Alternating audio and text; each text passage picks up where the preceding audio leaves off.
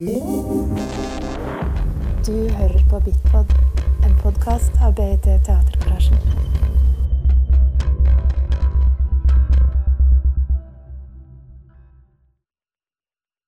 Welcome, everybody.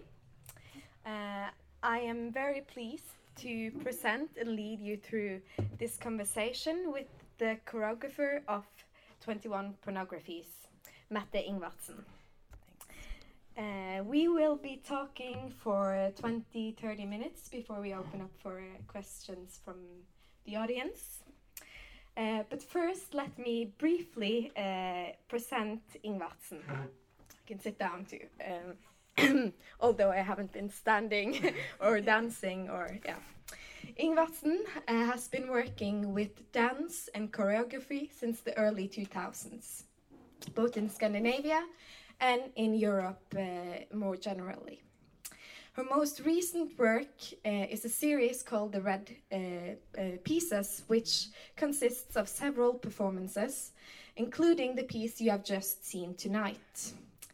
This series, in this series, she explores the distinction between the public and private sphere by confronting notions of nudity, uh, body politics, and sexual uh, practices. Uh, so, welcome uh, and thank you so much for uh, your performance. Welcome. I don't know if that's the right word.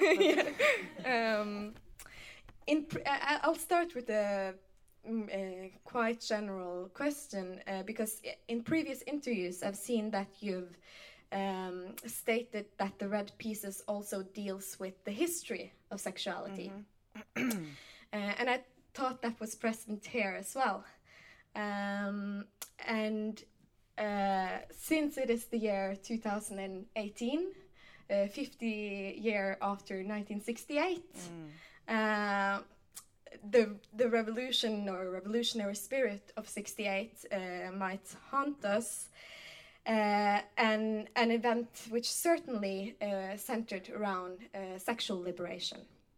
And in Denmark, uh, the, the avant-garde uh, artist also played a certain part uh, in the late 60s. Perhaps you uh, you have more in-depth knowledge of that than I do. Um, but a general question then would be uh, how is the sexual revolution connected to art and similarly how has sexual liberation come to influence um, the art scene You mean in my work or in, in general? um, think- both perhaps or in, in your work Yeah. first and foremost Yeah. of course Um, so, uh, yeah. Mm. So when I started working on this, what I call the red pieces, which is is um, I have presented actually, I think all of the pieces here. So some of you might have seen some of the others. It includes also 69 positions, seven pleasures. To some extent, it hasn't been here yet, but the old version of it was here in 2005. So um, it's a series of works, and where 69 positions has much more to do directly with this sexual liberation movement, because in that performance I was really looking at performance history uh, and also presenting it to the public as a kind of archive that I would lead them through, that then would mm, be brought alive through speaking. So in a way, not so far away from what I'm doing in in 21 pornographies. Um, so in a way, the, the sexual liberation movement is very, has been very important um, to how to think about these works, and also in a way to to think about why it failed. So in a way, uh, I think that many of the the issues that were addressed in the 60s in relation to equality, in relation to equal pay for equal work, like these very basic societal um, structures. I think in Scandinavia we are better in um, maintaining or um, actually managing to live um, with these notions present in society, but I don't think it's completely achieved neither. So that's that's another thing that I think is something we still have to work for. And I know that in other because I live in Belgium and France, and I know that there these questions are totally like to imagine having a female president in France. I think that's still gonna take a while, no? Even though they had a candidate now, but um, I think I think there's a there's a, a an issue in relation uh, to power, where um, the divisions of power are still very much uh, centralized around the power of men. And, uh, and I think that that's one of the questions around the 60s that haven't actually been actualized. So I think that's that's one of the.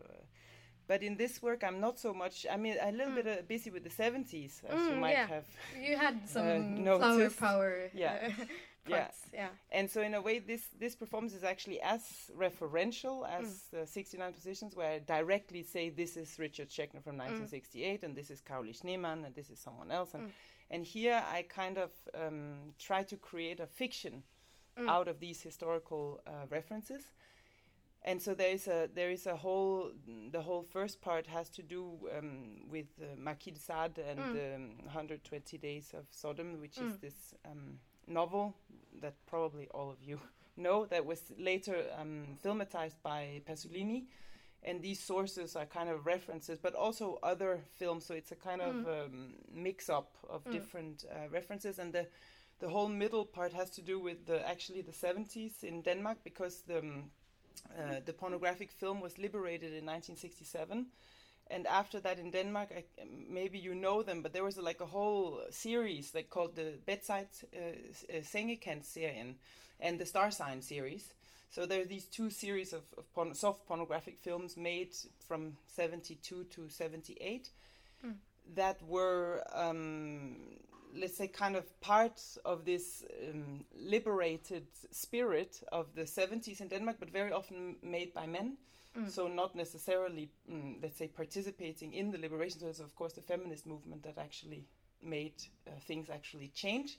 Um, but so those those films are very in, i find them very interesting because they really mark this time historically where sexuality all of a sudden moved into the uh, instead of being a thing you had to search for secretly, it all of a sudden was shown in movie theaters. It was also performed by um, actors who were also playing in in other films. So it was not anymore like a division um, between the the dark corner pornography and then the the what could be seen as a a, a social, uh, let's say, movement of liberation at the time and there's also the ballet there's a little ballet part in the work which is a, a reference to um, uh, um, Flemming or Vivi Flindt's um, Triumph, which is a ballet from 1971 in Denmark, which was a naked ballet and that became nationwide, like super famous because they made a TV program out of it. And uh, and basically, this my mom has told me about this this film and about Vivi Flindt, who's incredible. So um, I have, um, in a way, grown up uh, with the kind of post um, 60s, 70s um, liberated uh, sexual spirit. And I think so. And then the third part actually has much more to do with looking at today. So looking at uh, how um, pornography is also um, connected to war and to what is called war pornography, which is not an artistic practice, but it's actually um, footage shot in the battlefield and then later shared um, among soldiers or in secret networks that circulate a little bit like how illegal pornography also circulates online.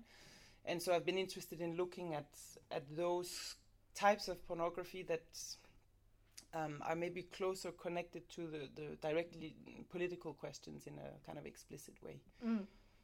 What do you think happens when you put them together? The Sardian and the 70s and the. Do you think something. Maybe you can tell me. Yeah, no you, maybe you shouldn't interpret your own. no, no.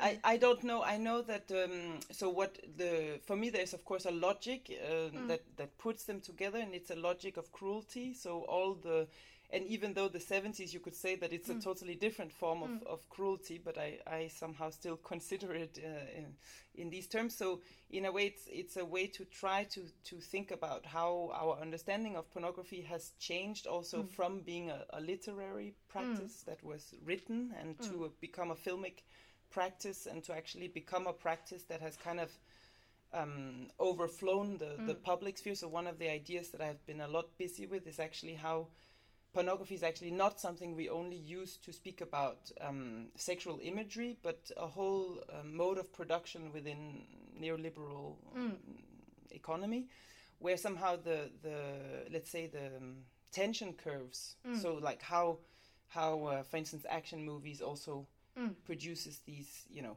explosions which are um, comparable to orgasms, or Mm. how breaking news kind of circulate the same images over and over again to create these Mm. cycles of excitation, and then oh, there's nothing new, and then Mm. it comes again. So it's a kind of frustration cycle um, that I think is very comparable or somehow Mm. similar to how how pornography operates um, on an effective. Mm. Yeah, and I think the sounds that some sometimes came out of your mouth were, were sort of could have been from sexual pleasure, or it could have been from by dying even. So you have Mm. this connection between cruelty, uh, as you said, and Mm, mm, and um, pornography or mm, uh, pornogra- pornographic uh, depictions. mhm.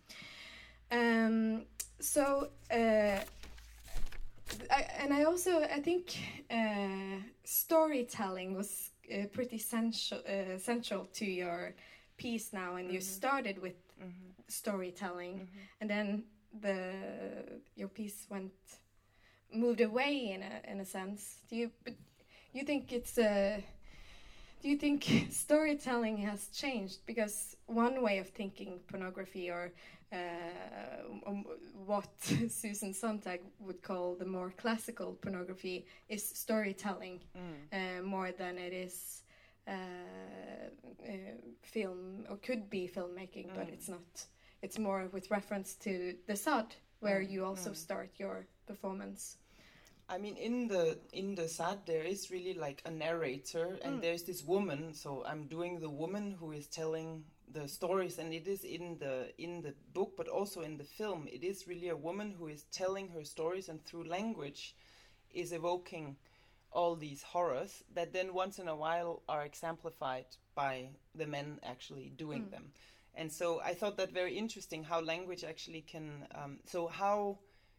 Um, how we can look at things that uh, so i'm actually very sensitive to kind of explicit uh, imagery Mm. and I, I very often get um, kind of like i just can't look at it um, so some things yes but other things not at all and so I, i've been and these things in particular are not so easy for me to look at so i've been thinking about how can you through language in a way create a, a certain kind of distance Mm. that allows you so that the narration actually allows you to come closer to Mm. the the questions that I, I would like to pose but without maybe having the kind of um, mm, immediate kind of shock uh, effect of Mm, the or of pleasure. eating or pleasure of Mm. eating shit Mhm. because de Sade he liked to eat shit it was not a you know torture to him Mhm.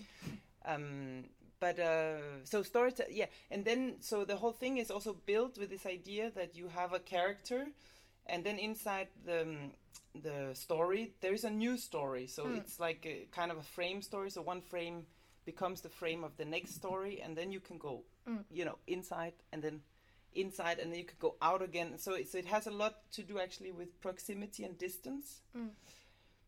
and uh, yeah, and so in in this because this um, lecture of Susan Sontag, which is from I think '64, it's like um, she gave it uh, as a as a read um, to- spoken lecture. So I've been listening to this lecture, which I find really uh, amazing. You can find it online. it's called Lecture on Classical Pornography, and she speaks about this how the the distancing Mm. of de Sade, so that it actually is a form of comedy or humor so that in having this kind of moving um, closer and far that this creates a kind of what slapstick also does by doing kind of deadpan then it, it creates these breaks where all of a sudden you see the thing in a in a different light Mm. And i thought this was really interesting. So like okay so you speak about horrible things but then they can actually be funny because they're horrible but because they're done with a distance or so so in the, the so this is a bit the and here i think it was working better than ever. Like you guys were actually like laughing because sometimes people are just like you know like not making a sound at all. So i thought that was interesting that it yes, uh, in in this lecture, which I've also listened to on YouTube, um, she uh, she states that uh, this is a quote from the lecture: um, pornography uh, is a literary form that must embody or act against the idea that lustful acts are inherently immoral. Yeah. And uh, thinking more historically, uh, and she uses de Sade as a point of uh, departure. So um, uh, de Sade works um, uh, are uh, are opposed to uh, the what was seen as appropriate uh, sexual conduct of his time, and perhaps also uh, in the 60s the, there were a more obvious uh, immoral sexual conduct than today. Uh, so what what happens with uh, the question of m- morality when we don't have these strict uh, moral uh, codes for sexuality anymore? Can you make this shock effect like Sontag uh, wants, or not shock effect, but this alienating, distant comic distance? Uh, I mean, I think the thing is today we have the idea that we're totally liberated and everything is possible and we do it all and uh, and then I think that is true on one hand because you can find anything like any type of pornography. Um, so I I do think that there is a kind of wide range of of possibilities uh, out there, um, and then. The, the I think that Sontag she speaks also really from the context of the 60s where things were banned yeah. in a very concrete way. So there's she's speaking, for instance, of um, a film by Jack Smith, which is this film that also has to do with war and kind of excessive uh, sexual practices, and it's it's not really pornographic. And she actually defended this film in court to say this is not actually pornographic and then she tries to define the the difference with what what actually makes something pornographic in a sense that would be immoral and illegal. I think today we still have uh, limits right? We still have child porn which is outside of morality. We still have uh, snuff porn which is outside of morality. We still have so I We have some rules we, we do yeah. have i mean i think it's like i think we're not uh, beyond i think what for me is interesting with de Sade is that there is this um, that that pleasure um, then uh, let's say so he's he's not busy with moral so he says like if it produces pleasure then all passions are possible passions. And i i find it in, interesting so to to to question so what actually can produce Pleasure. uh, pleasure. Um, that said, then I think this piece for me is actually less about pleasure and more about this question of cruelty that I, mm. I spoke about before and how and questions of power also. Mm. And uh, and I try not I try to present them in a way neutrally.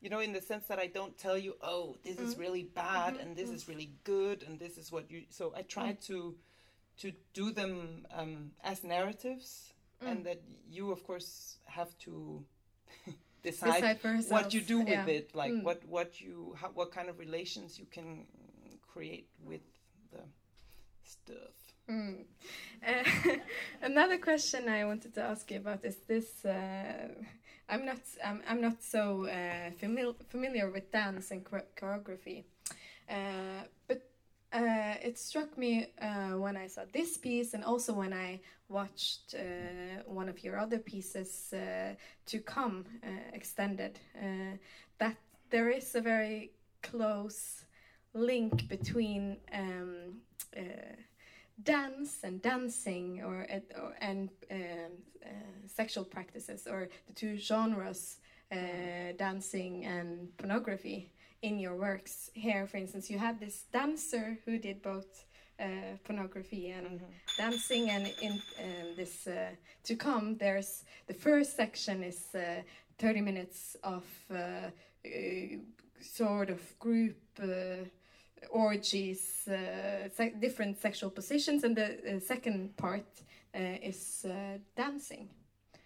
So, what is the connection between the two genres? Do you think there is a? I mean, I think that the connection between dance and pornography Mm. goes way back because already in with Louis XIV and Mm. the ballet, the, the dancers could be bought as Mm. prostitutes also. So I think that that is the and I think what happens very often in dance, which of course is something that we work try to work Mm. against. Or for many years, was in the seventies, there was a lot about this like neutral Mm. body. So in the U.S. with all the postmodern dance people who were into the kind of say, okay, we work on the functionality and the anatomy of the body, and we are not sexual. You know, Mm. like dance is not about sexuality at all. Mm. It's about abstraction and lines and etc. And I, I find that is uh, totally possible and correct. And then I also find that there's so often that sexuality is actually a kind of underlying um, Mm. drive in dance, In dance, but yeah. that is then not outspoken. Mm. And I got very upset about that at a Mm. certain point because I was like, eh, like we go here and it's all this like dresses and but it's not. It's clear that that's what it's about. Still with wearing clothes. Yeah. yeah. But no one, no one says this is what it's about, and this is why we get all excited about. I mean, Mm. it's like maybe also exaggerating, but I, I had some performances where I was quite upset about the kind of underlying sexual undertone, erotic thing, but that is never, outspoken. you know, or- outspoken. And so I thought, Mm. let's try Mm. to what to make it clear.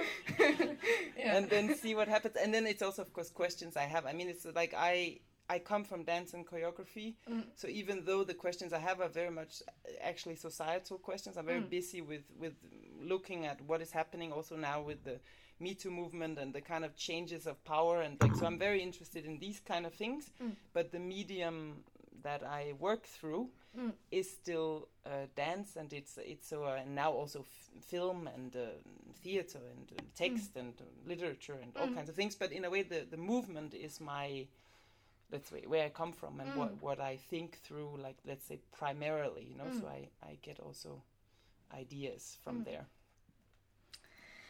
Uh, perhaps we could go back to this uh, difference between the public and the private sphere, uh, because I uh, I think this uh, your the, your performance now was um, uh, different from what I've seen uh, before, where you work with group choreography.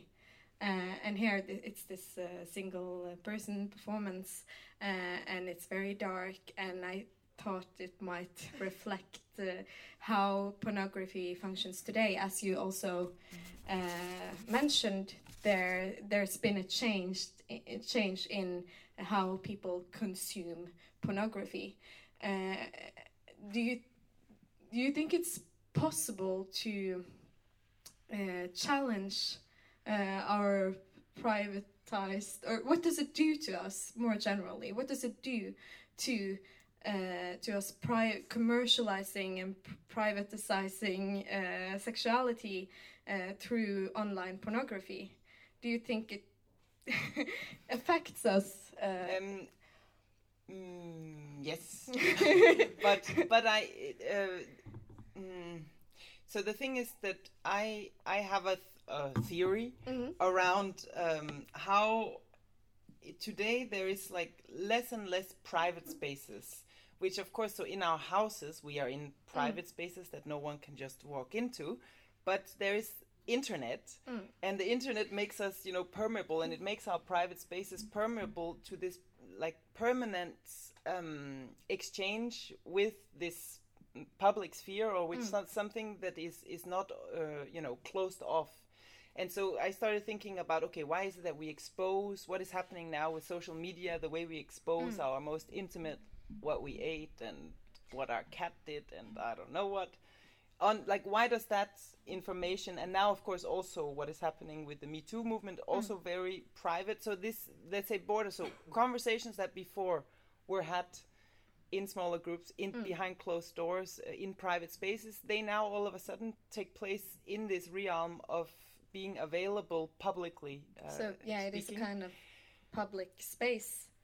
Well, the, Or- the- that is commercial space Mm. because uh, Facebook and uh, the, the the platforms where they take place is there. That's fully commercialized, and that in a way is my main concern. So it's like we we have an idea that these networks are public in the sense of uh, belonging to everyone. Mm.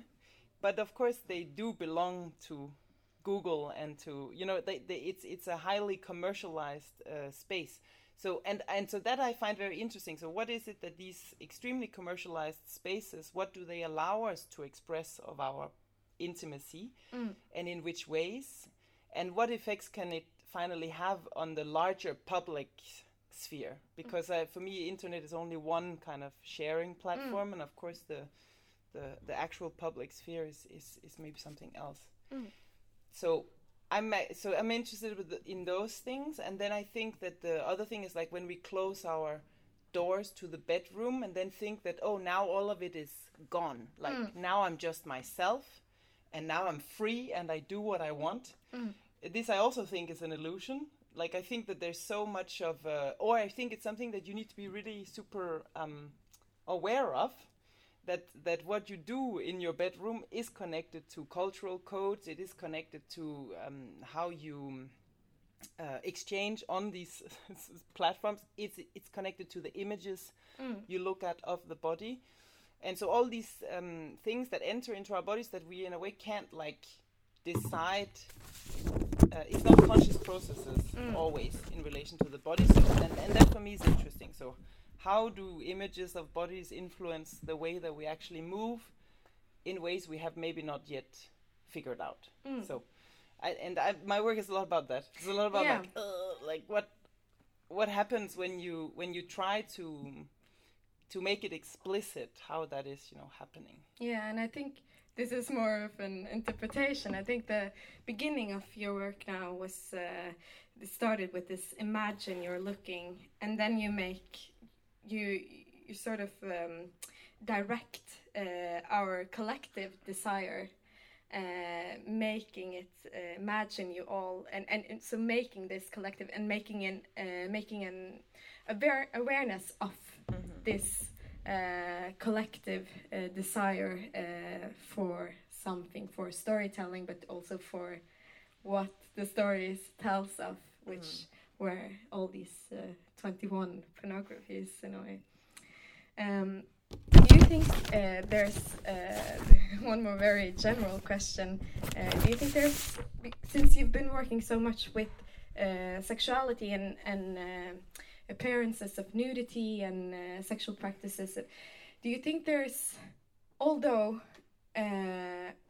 your intention uh, seemed to be to critique uh, commercialized uh, pornography and so on. Do you think there is a danger um, in aestheticizing sexuality? I think, of course, I mean, making performances is also commercial business. You buy a ticket, you come here, you, but and and so yes, of course, and then at the same time, I'm not a cynical uh, person, so I I want to uh, believe that uh, that the theater can actually be a space where we can um, discuss things in an in an open way, and it doesn't always happen like this, but that after seeing something like this, that this can actually create um, discussions that that problematize the the, the topic.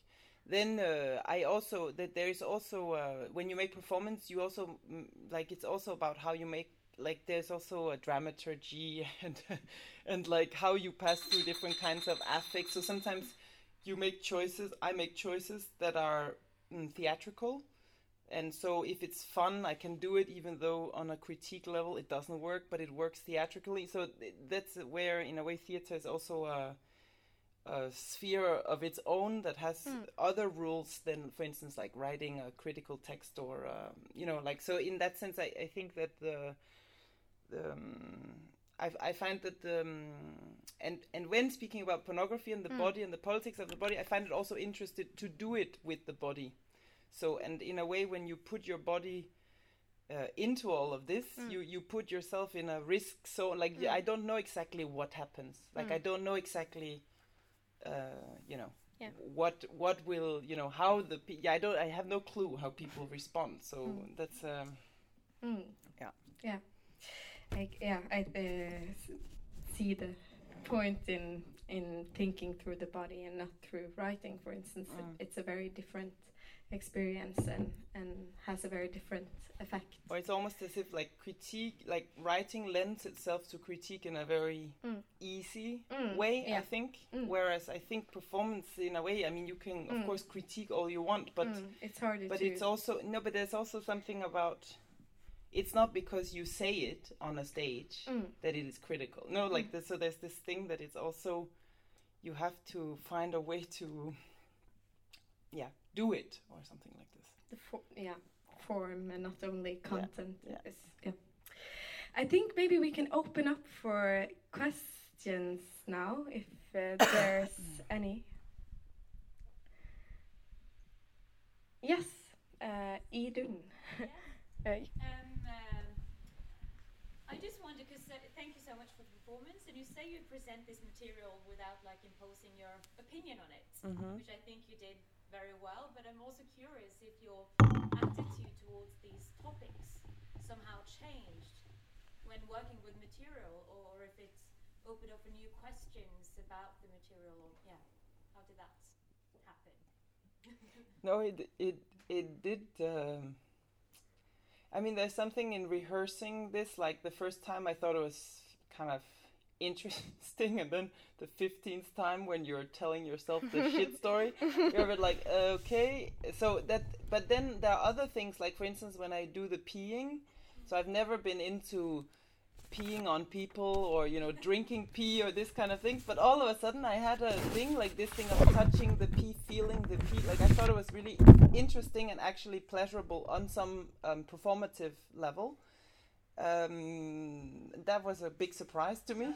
You know like that was like don't know where that comes from but so that that changed also. And then um, yeah and and then this question um, because in the last scene i'm working on um, let's say sexualized torture and and a kind of explicit image of that and at the same time an abstract image of it so when i'm turning. And and that's something that i'm still um, mm, dealing with when, when i'm i'm doing it. Like i think it has to be like that. And then i i so yeah i have i i I, I don't know exactly. Because also I have never seen the piece myself, no? So I have no idea actually. I sit sometimes outside. Today I was just listening to it and looking at the light. it's not really the same. So uh, so sometimes I have this question about, of course, affective manipulation because the whole piece is about trying to understand affective manipulation, and the end scene is very, like, in a way, manipulative and all over the place and kind of like swiping you out um, and I think it has to be like that. And sometimes I wonder, I think about why does it have to be like that? Uh, and I, this I still don't know, but it has to be like that. So, but it's so yeah. So these relations of like trying to understand, okay, what is the effective thing that is actually happening, and uh, and trying to understand it also from talking to people about what it actually does. It's uh, that that changes a lot actually. Like so. Mm. Yes. Yeah. Uh, yeah. First of all, thank you very much. It was uh, very strong, especially the last. You can also use the microphone if you want to. Yeah, I Yeah. Um, okay. Yeah. First of all, thank I was thanking you uh, for the performance, and then I think it's very much in um, continuation of what you asked. The thing about trying to stay neutral, uh, and your emphasis on the language, because I was a bit. Um, I mean, I was a bit curious about um, let's say the choice of words for uh, describing genitals and so on as it is the female body especially that is being portrayed uh, portrayed in Mm. the in the piece Mm. and this very clinical very like um if I can Genital sex. genital yeah. sex very uh, clinical male gaze Mm. language as well so I Mm. was just curious on your thoughts on that and this yeah this maybe extreme degree of neutrality or if you could say uh, and also this thing about the world not being neutral and also often that the neutral world is the uh, the world as it um, can say like the majority decides what is neutral and what is not Mm-hmm. and as we are um, speaking of this liberation and so on, female liberation and someone.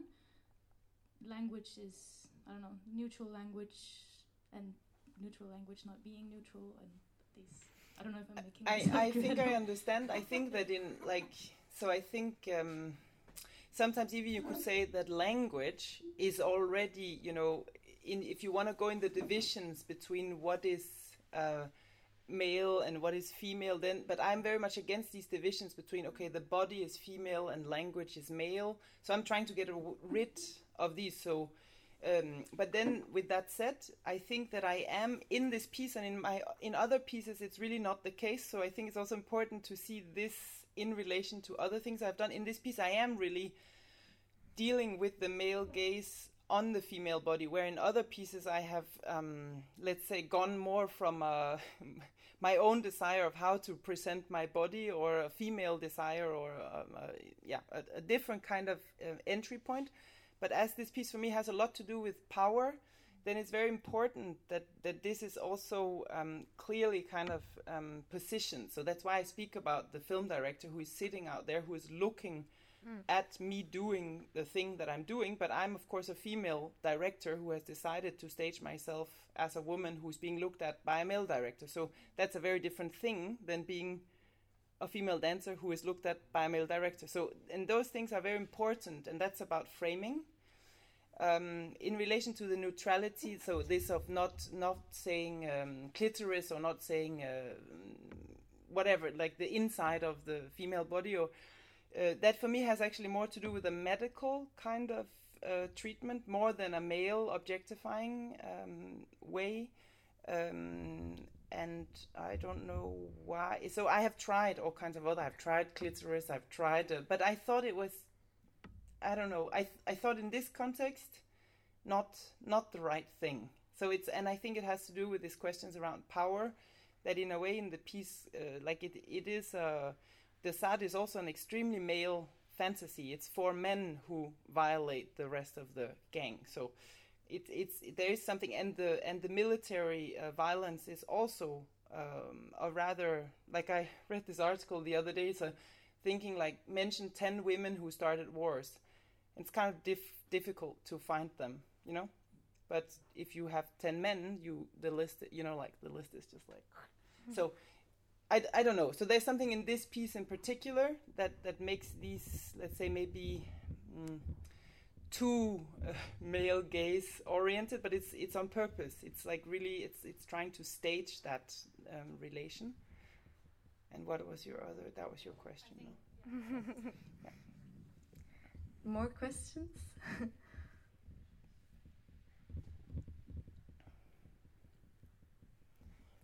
Nope. yeah, okay. Yeah. Um, I, I just, um, uh, I don't know if I, um, I, I, of course I didn't get it all, but but uh, I noticed like there were uh, three different um, ways of dancing. Like it was ballet, and it was disco dance, and it was folk dance. If this uh, dervish uh, thing is folk dance, in the end the turning in the end uh, the turning in the end. mm-hmm. So I, I thought it moved from from cruel to uh, ridiculous and to uh, very dystopi- dystopian. Mm-hmm. But uh, perhaps I shouldn't do much of too much of interpreting this into the way of choice of dance genres and so. But uh, uh, no but the, so what is the question the question I don't know if there's a question. I have a question like why is it 21 for Yeah. pornographies? That's one question. Yeah. And then uh, wha- how did you uh, choose the different dance uh, genres? Sequence, Because you, yeah. you I was surprised that you sh- showed so much uh, different dance really in, Mhm. this, in this piece. And uh, um, yeah. so 21 for me has to do so it's like pornography in the 21st century on one hand Mm.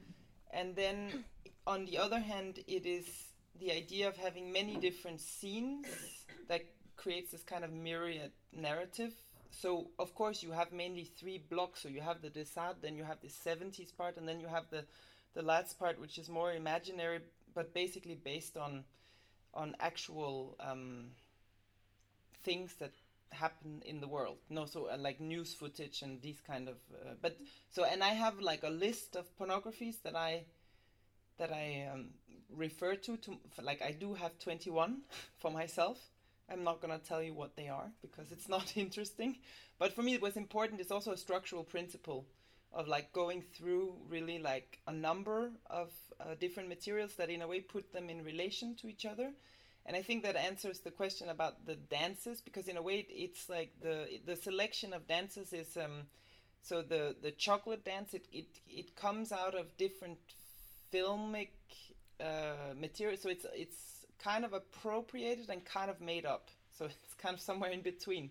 It's related to films and some of it is also made up because this ballet for instance you can't find the material anymore. So it's kind of based on a few images and then try to make something out of it. And uh, and the turning for me is is actually more uh, so of course it is um, a folk uh, practice but it's not my reference is much more the um, let's say a torturous practice so something you have to do so within torture practices you have this what you call stress positions which is basically that you have to stand like this you know Mm. and if you fall you you get electrocuted or whatever so thi- this is so in a way that for me the turning and having to keep the light above me that's kind of a way of um of creating a stress situation for the body. It's kind of harder to do it like for the the duration of the the time. So it's also about pushing a certain limit of the body and and kind of through that getting I don't know, out is maybe the wrong word, but to get to some sort of excess also of what the body is actually capable of doing, and and to see what what happens um, there in in the experience of uh, of doing it on one hand, it's like, uh, and and also of course of of looking at it. So, um, and it's definitely dystopian. So that's uh, I agree with you. Yeah. Uh, maybe we should uh, uh, finish because you've been so patient and uh, giving us a lot. Uh, I uh, would perhaps like to ask one more question in, in relation to this last one, if, if it's okay. Um, because uh, Sontag also uh, writes and, and, and um, talks about dehumanizing the dehumanizing effect of uh, pornography uh, and uh, which she sees as something possible in a way this uh, estrangement movement. But what you or in this piece isn't hasn't it like uh, uh, I, I'm not sure if I got like dehumanized. I felt very sorry for you in the end. uh, do you think you do something something else? Do you think this? Uh, do you think and do you think uh, what we call pornography today has a dehumanizing effect? Uh, because I would think that a lot of the pornography that circulates today, like the war, uh, the Mm. porno- made in, Mm. in wars, Mm. are real people Yeah. actual people, actual suffering, Yeah. uh, which is not what Yeah. Sontag talks about. No. Um, it's a long question. Yeah, okay, I'm sorry. and it's a long answer. I Yeah. I think that so what she speaks about because she speaks about it in relation to literature and actually the very beginning of the piece where Mm. Yeah. I describe all these like stairs things and, and, stairs and that actually is connected to that idea Mm. of how to um, make objects into sensual things Mm. and that could be a positive you know Mm, thing and I, I have also in other pieces i've worked on this idea of, of how the body is an object or how we interact Mm. with objects and then some people find it like alienating and Mm. dehumanizing to Mm. do that and i'm like well it's also just another way of thinking about the relationship between the body mm, and the world Mm.